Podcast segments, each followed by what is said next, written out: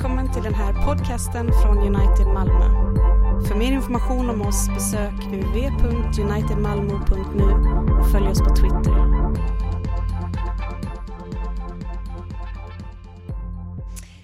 Vi förblir stående medan vi läser dagens predikotext från Matteus evangeliet 6 och Lukas evangeliet 22.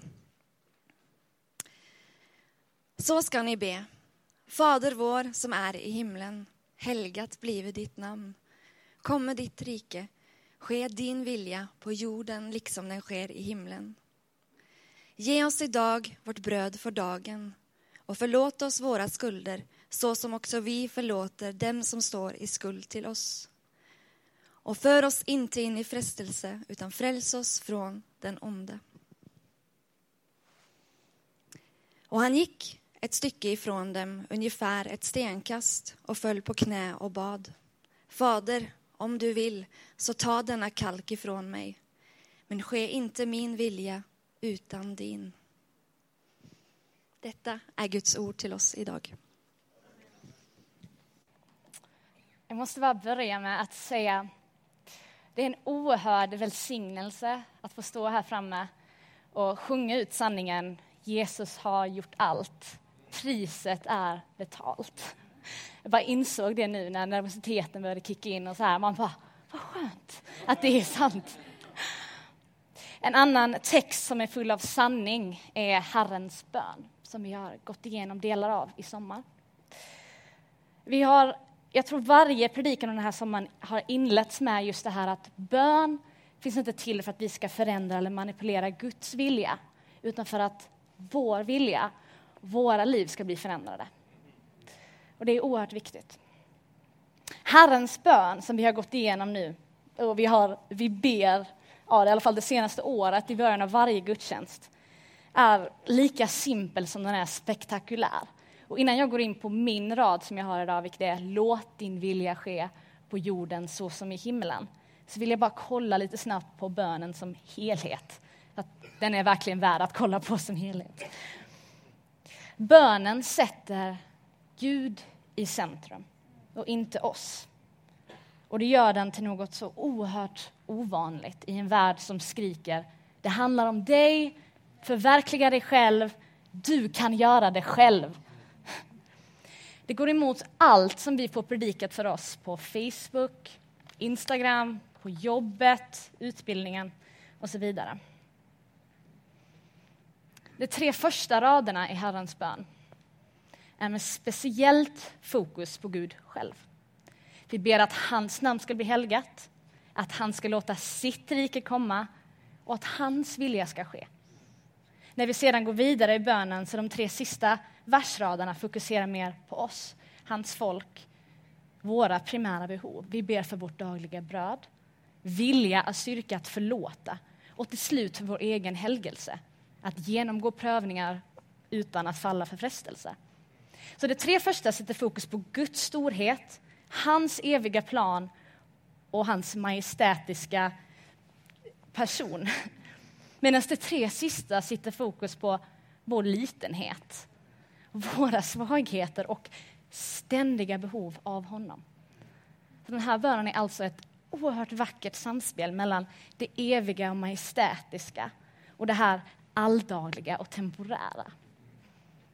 Men idag har jag alltså fått förmånen att utgå ifrån den sista strofen i första halvan av bönen.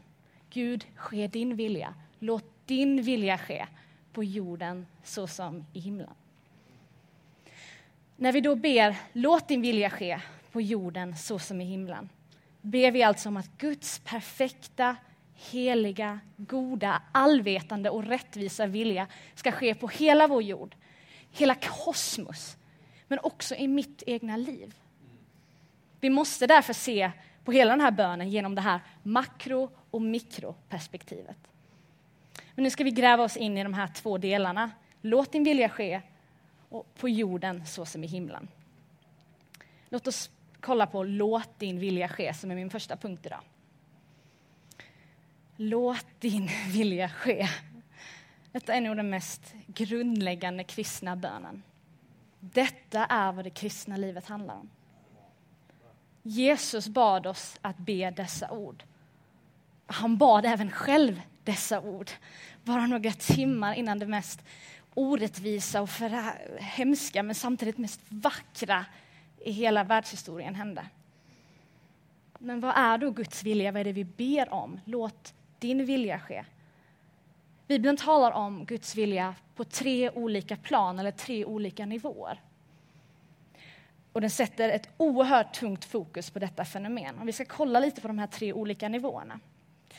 Den första är Guds beslutade vilja, hans eviga plan. Den andra är Guds befallda vilja, hans heliga lag. Och den tredje, Guds önskade vilja, Guds innerliga önskan. Men då kan man fråga sig, hur funkar det? Liksom, hur kan Gud ha tre olika nivåer av vilja? Vi fungerar faktiskt på lite liknande vis. Jag tänkte använda mig av ett vardagligt exempel för att visa detta. Det är semester och vi är i Sverige och som vanligt så erbjuder Sverige ingen sol. Eh, så vi ska resa iväg. Vi reser till Paris. Det är mitt beslutande vilja. Min beslutande vilja. Vi ska till Paris. Men jag vill då även att mina medresenärer tar med sig sina pass så att vi kommer iväg. Det är min befallda vilja. det är befallning. Jag hoppas innerligt också att vi ska ha tid för att eh, besöka franska rivieran när vi är i Frankrike. Detta är min önskade vilja. Och på samma sätt då har Gud också tre plan av viljor. Självklart så funkar människor och Gud inte likadant. Min Parisresa kan ju faktiskt bli inställd av oväder, finansiella trubbel och så vidare. Men Guds beslutade vilja står fast. Och det tackar vi för. Men då, vad säger Bibeln om de här tre nivåerna?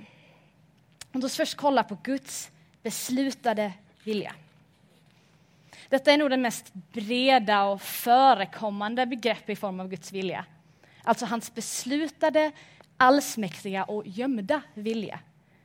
Guds suveräna kraft att styra och ställa hur den han vill med sin skapelse.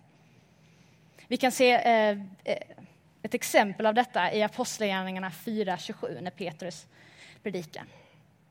Ja, det gaddade sig verkligen samman i denna stad mot din helige tjänare Jesus som du har smort.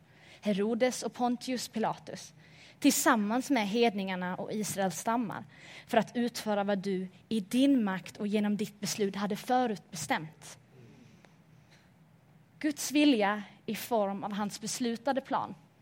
Hur han dirigerar, orkestrerar och tillåter saker och ting som sker detta är hans beslutade vilja. Och den kan aldrig brytas, eller korrumperas eller kompromissas. Om den kunde brytas, ja, då skulle ju någon annan än Gud vara mäktigare. Och det är mer oroväckande än något annat. Vi kan alltså vara säkra på att ingenting som händer, har hänt, kommer hända sker utanför Guds fulla kontroll och goda vilja för hans skapelse. Denna vilja är ingenting som vi kan kartlägga eller spå ut eller hålla koll på. Utan ja, vi kan ju aldrig inneha samma förståelse för det pussel som Gud lägger. Eller detta vackra mosaikmästerverk som han skapar med brutna, pussel, eller brutna glasbitar som är våra liv. Men vi kan vara säkra i att allt samverkar till det bästa. Så vi vet aldrig hur Guds allsmäktiga planlagda vilja kommer att, vad det kommer att innebära. Men vi vet hur slutet ser ut. Om jag hade haft sådär tre timmar till så skulle jag gärna gått igenom Uppenbarelseboken för er, vers för vers. Men den tiden finns det väl inte. Det är ni tacksamma för. Låt oss kolla på Guds andra nivå av vilja. Guds befallda vilja. Vi pratade precis om att Guds beslutade vilja är ofta gömd för oss.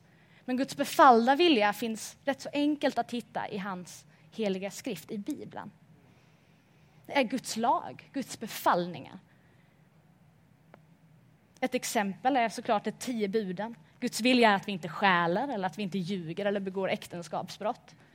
I Nya testamentet så summeras dessa bud i att vi ska älska Gud med hela vår själ och hela vårt förstånd och vår nästa som oss själv. Guds vilja är även vår helgelse och att vi skapas och formas i bild av hans son Jesus Kristus. Så denna vilja uppenbaras för oss i Guds ord, men också i vårt samvete, för det vittnar om detta då Gud skrivit hans lag i våra hjärtan, talar Romarbrevet om. Och den här lagen är bindande, vare sig vi erfar den genom skriften eller samvetet. Vi har ingen auktoritet att kränka och bryta denna heliga vilja. Dock så innehar vi både förmåga och makt att göra det, och vi gör det dagligen. Vi gör uppror mot hans befallda vilja, ja, just nu säkerligen. Vi kan inte heller ursäkta våra synder genom att säga men hans beslutade vilja kommer ju ske oavsett om jag följer hans befallda vilja eller inte. Ja, Guds beslutade vilja kan absolut bryta mot hans heliga lag genom att tillåta synd för att något gott ska komma ut av det. Jesus kors är ett prima exempel på detta. Guds beslutade vilja innebar Judas förräderi till exempel. Som ledde till Jesu kors, död, uppståndelse. Förlåtelse för våra synder. Världens frälsning. Men detta blundar ju dock inte för hur förrädisk och ond Judas synd faktiskt var. Guds tillåtelse ger oss aldrig rätten att synda. Vi står alla inför Gud skyldiga eftersom vi inte håller hans lag, hans befallda vilja. Låt oss då kolla på den tredje och sista nivån av Guds vilja som Bibeln talar om. Den tredje och sista nivån som förklarar Guds vilja är Guds förhoppningar om saker och ting, eller kanske bättre, Guds innersta önskan. Den definierar vad som glädjer Gud och vad som ger hans sorg. Till exempel så säger eh, Hesekiel att den ogudaktiges död Eh, så gläder den ogudaktiges död inte Gud, utan han vill att denna vänder om från sin väg och får leva. Men säkerligen så beslutar Gud den ogudaktiges död. Han skulle inte vara rättvis om så inte var fallet. För Guds ultimata glädje finner han i sin egen helighet och rättfärdighet. När Gud dömer världen gläder han sig i faktumet att han rättfärdiggör sin egen rättvisa. Men han är inte lycklig på ett hämndlystet sätt mot dem som tar emot hans dom. Gud är glad när vi finner vår glädje i hans löften och bud. Gud jublar inte över faktumet att folk i världen går förlorade varje dag. Att vi, utan vill att vi ska faktiskt be för det här folket som lider i världen. Men denna sorg gör inte Gud orolig på samma sätt som vi människor blir oroliga för. Gud är fortfarande i total kontroll och låter aldrig något ske utan mening för hans eviga plan. Och det leder oss då in på min andra punkt. På jorden så som i himlen. Låt din vilja ske på jorden så som i himlen. Det är mäktigt. Låt din vilja ske på jorden så som i himlen. Detta visar att jorden är viktig för Gud. Gud har aldrig planerat att förstöra eller förinta hans skapelse, utan hans plan har alltid varit att förnya och återupprätta hela hans folk, hela hans skapelse, hela hans jord. Och denna process började i och med att Jesus klev ner och tog med sig himlen till jorden. Ske din vilja på jorden så som i himlen. Vi ber inte heller att Gud ska teleportera oss till någon annan dimension, till himlen. Utan nej, vi ber att Guds vilja ska ske här, att himlen kommer hit. Att Guds vilja ska ske på jorden så som den redan sker i himlen. Och vi ser redan hur detta verk har tagit sin början. Men vad står då i vägen för att Guds vilja totalt ska ske på jorden så som i himlen? Ja, vi ser ju ett annat rike på jorden som härjar. Och det är främst styrd av vår egen vilja. Vår korrumperade vilja som finner sin rot i ursprungssynden. Den första Adam bad, ske min vilja. Jag förtröstar inte på dig, Gud. Min vilja är bättre än din. Jag tror inte på att din vilja för mig är nog. Och våra böner ser inte mycket annorlunda ut idag.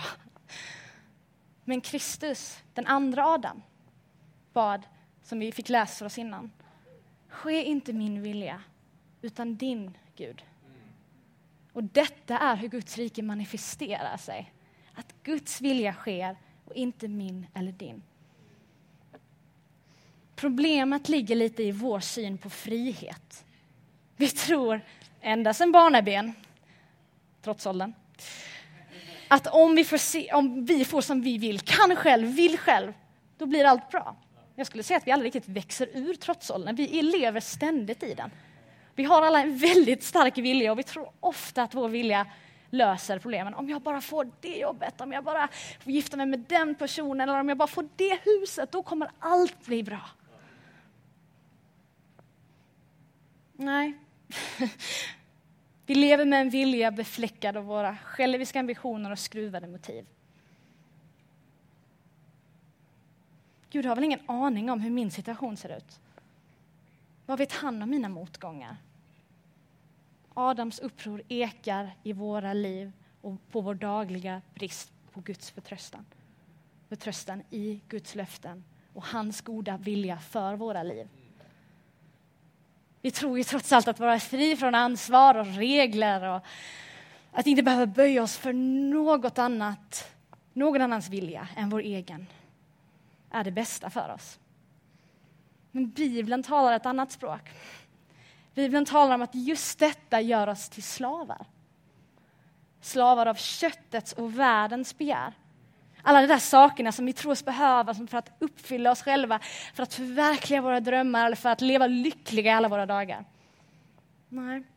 Låt oss läsa i första Johannesbrev, andra kapitlet 15 till 17. Älska inte världen och inte heller det som är i världen. Om någon älskar världen finns inte Faderns kärlek i honom. Till allt som finns i världen, köttets begär och ögonens begär och högmod över livets goda, det kommer inte från Fadern, utan från världen. Och världen och dess begär förgår. Men den som gör Guds vilja förblir i evighet. Allt det här som vi tror oss behöva, det må vara beklätt i frihet, det ser bra ut, men det leder alltid till motsatsen. Slaveri, bojor, fängelse. Var finner vi då riktig frihet? Ja, i att följa Kristus. Att be som han bad. Att låta Guds vilja ske och inte min. Att totalt överlåta oss till vår Faders goda vilja och inte vår egen. Vi vet allt vi behöver veta om Guds vilja. Här i. Genom hans ord får vi vishet om Guds frälsning för världen. Den kärlek som var så stor att han gav sin egen son att leva det liv som jag inte kunde leva. Totalt följa Guds vilja. Att dö den död som jag förtjänade och att uppstå till evigt liv, den uppståndelse som vi också kommer få ta del av en dag. Det är bra. Det är bra. Guds plan för ditt och mitt liv kommer väldigt sällan bli som vi tänkt oss. Vi förstår inte varför vissa saker och ting tillåts hända. Eller varför semestern inte blev precis som vi tänkt oss.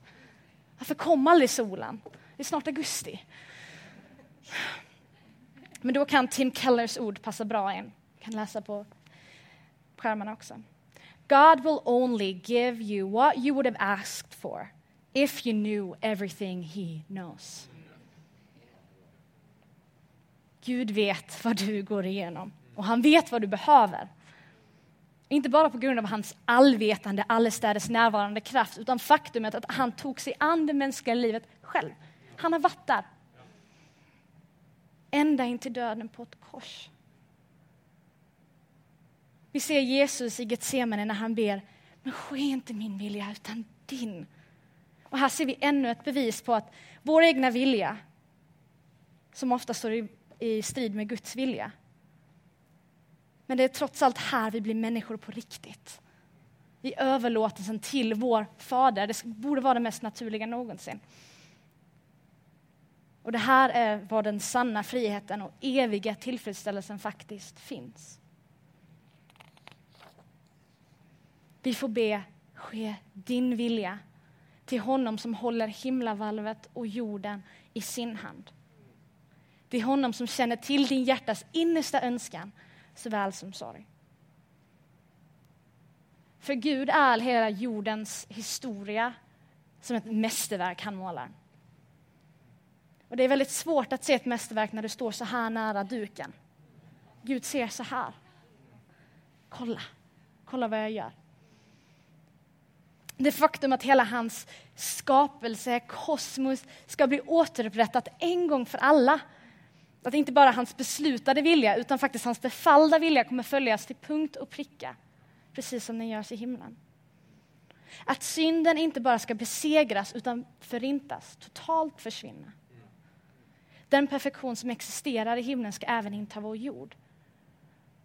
När Gud, vår faders namn, ska bli helgat i varje hörn av skapelsen. När hans rike ska komma i sin helhet och därigenom hans vilja ske på alla sätt och vis.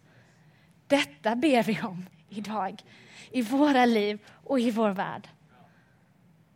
Och vi tackar Gud att vår frälsning inte vilar på att vi gör Guds vilja, utan den vilar på att Jesus i allt utförde Guds vilja. Och vi tackar även för att vår frälsning syftar till att Guds vilja, vilja i allt högre grad ska bli utbredd och etablerad på jorden genom våra liv. Och detta kan vi läsa i Filipperbrevet 2.13. Ty Gud är den som verkar i er, både vilja och gärning, för att hans goda vilja ska ske. Vilket löfte! Det är oerhört svårt att tro på. Speciellt, speciellt när vi ser dagens värld. Vi läser tidningarna, kollar på nyheterna. Det räcker att vi kollar in i våra egna ruttna liv. Och vi skriker ut Jesus, kom fort. Och vi tackar att det finns hopp. Vi läser från Romarbrevet 8, 24-28. Ty i hoppet är vi frälsta. Men ett hopp som man ser uppfyllt är inte längre något hopp. Vem hoppas på något som han redan ser? Men om vi hoppas på det vi inte ser så väntar vi uthålligt. Så hjälper också Anden oss i vår svaghet. Ty vi vet inte vad vi bör be om, men Anden själv ber för oss med suckar utan ord. Och han som utforskar hjärtan vet vad Anden menar, eftersom Anden ber för det heliga så som Gud vill. Vi vet att för de som älskar Gud samverkar allt till det bästa för de som är kallade efter hans beslut. Gud, vi ber att din vilja ska ske med oss i händelserna runt omkring oss som vi har noll kontroll över. Gud, vi ber att din vilja ska ske i oss, att du ska leda oss till korset och forma vår vilja efter din. Vi ber att din vilja ska ske genom oss, att vi får bli ljus och salt på denna jord och få leva ett liv som upphöjer och ärar ditt namn i alla situationer. Gud, skänk din nåd och låt våra liv bli präglade av denna bön som din son bad. Min fader, om det är möjligt, låt denna kalk gå ifrån mig.